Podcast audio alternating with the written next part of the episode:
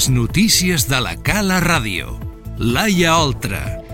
Ja estan a la venda els abonaments de la Candelera 2019. La portada. Aquest dilluns l'Ajuntament ha posat a la disposició dels ciutadans l'abonament de la Festa Major al preu de 25 euros. Es podrà adquirir fins al 30 de gener, juntament amb la resta d'entrades i tíquets a la sala d'actes de l'Ajuntament. Daniel Rodríguez. L'abonament serà vàlid per totes les nits de la Candelera entre l'1 i el 4 de febrer. A taquilla l'entrada d'una nit serà de 15 euros, excepte la darrera nit, que serà de 10.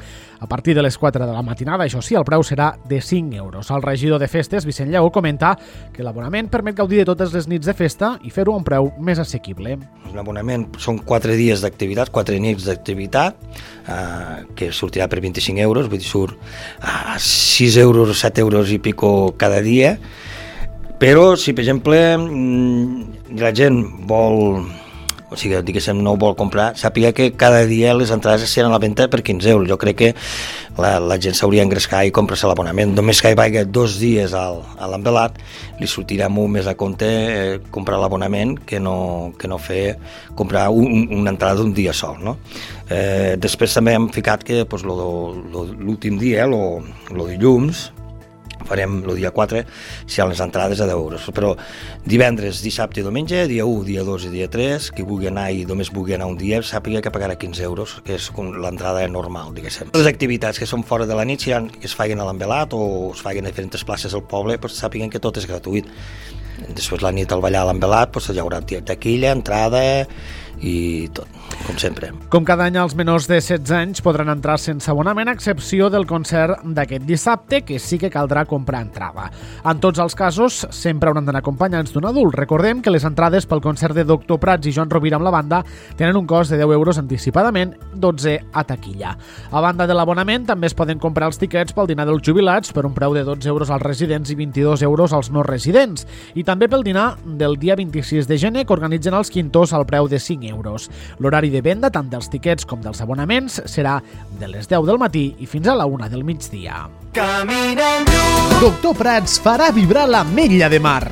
Dissabte 26 de gener, a l'embelat del Port Pesquer, arribaran els Doctor Prats per celebrar la Candelera.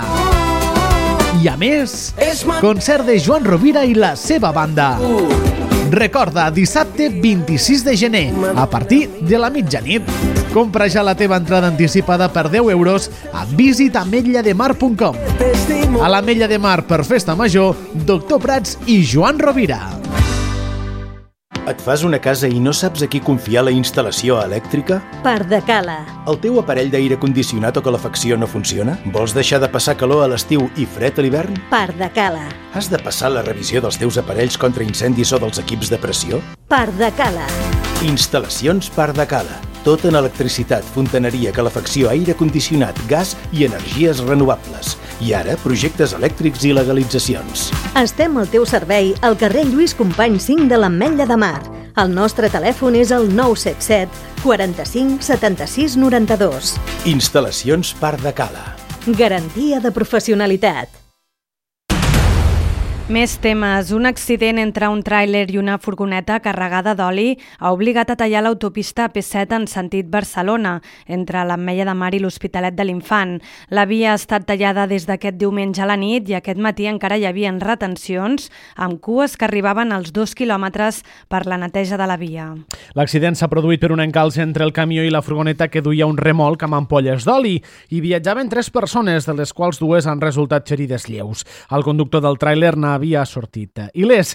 La càrrega del remol de la furgoneta amb aquestes ampolles d'oli es va escampar per l'autopista i s'ha trigat fins a 12 hores per restablir la circulació després de netejar la via. I sobre el produeixen els accidents de trànsit, Trànsit afirma que la majoria de les a les Terres de l'Ebre els provoquen les distraccions al volant. L'any 2018 van obrir 21 persones, van morir 21 persones per accidents a les carreteres abrenques. Sobretot el passat estiu va ser negre en relació als accidents de trànsit. Canal Terres de l'Ebre, Marina Villegas. La sinistralitat a les Terres de l'Ebre durant el 2018 ha patit un augment respecte al 2017. Un total de 21 persones han mort en accidents accidents de trànsit, 4 morts i 6 accidents més que l'any anterior. Les comarques amb un índex de mortalitat més elevada són el Montsià i el Baix Ebre, i la franja d'edat de les víctimes mortal a les Terres de l'Ebre és dels 55 als 64 anys. Una de les principals causes d'accident és la sortida de la via, que segons el director del Servei Català de Trànsit, Juli Gendrau, es relaciona amb les distraccions al volant. La mitjana de Catalunya està en un 33% d'accidents en vehicle sol.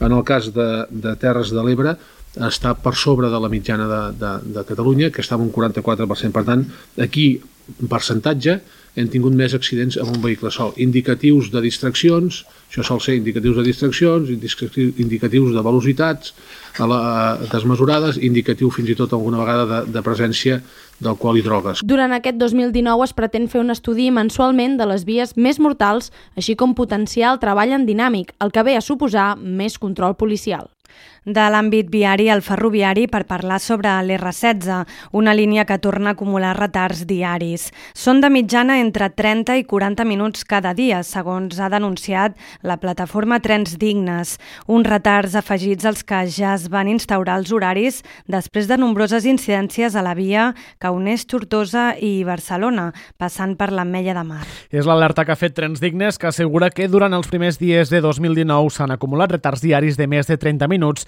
en els horaris provisionals que ja camuflaven les incidències del 2016.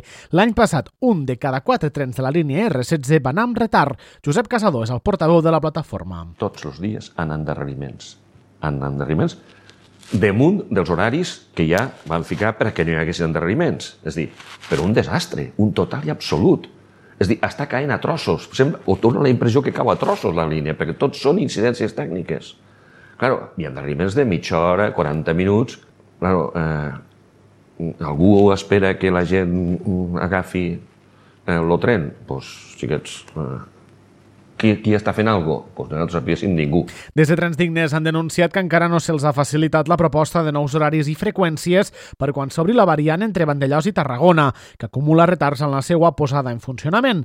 La Generalitat es va comprometre a enviar-ho durant la taula de mobilitat del 7 de novembre passat, però encara no han obtingut resposta. Seguim sense saber quins seran les freqüències i le, els horaris dels trens. Quins trens pararan, quins no pararan, tot això. Mm, sabem el que vol, lo que vol eh, Reus, Tarragona i el grup de, de Bobs aquest, perquè ja ho saben, eh, hi ha un acord en el govern de la Generalitat. Eh, aquí no, no, no sabem res i de la línia convencional a la d'alta velocitat, i en concret a l'estació de l'AVE del Camp de Tarragona, on l'Ajuntament de la Secuita vol construir-hi construir un pàrquing de baix cost. El projecte no avança al ritme previst i el consistori critica que les administracions superiors no tenen interès en agilitzar la tramitació.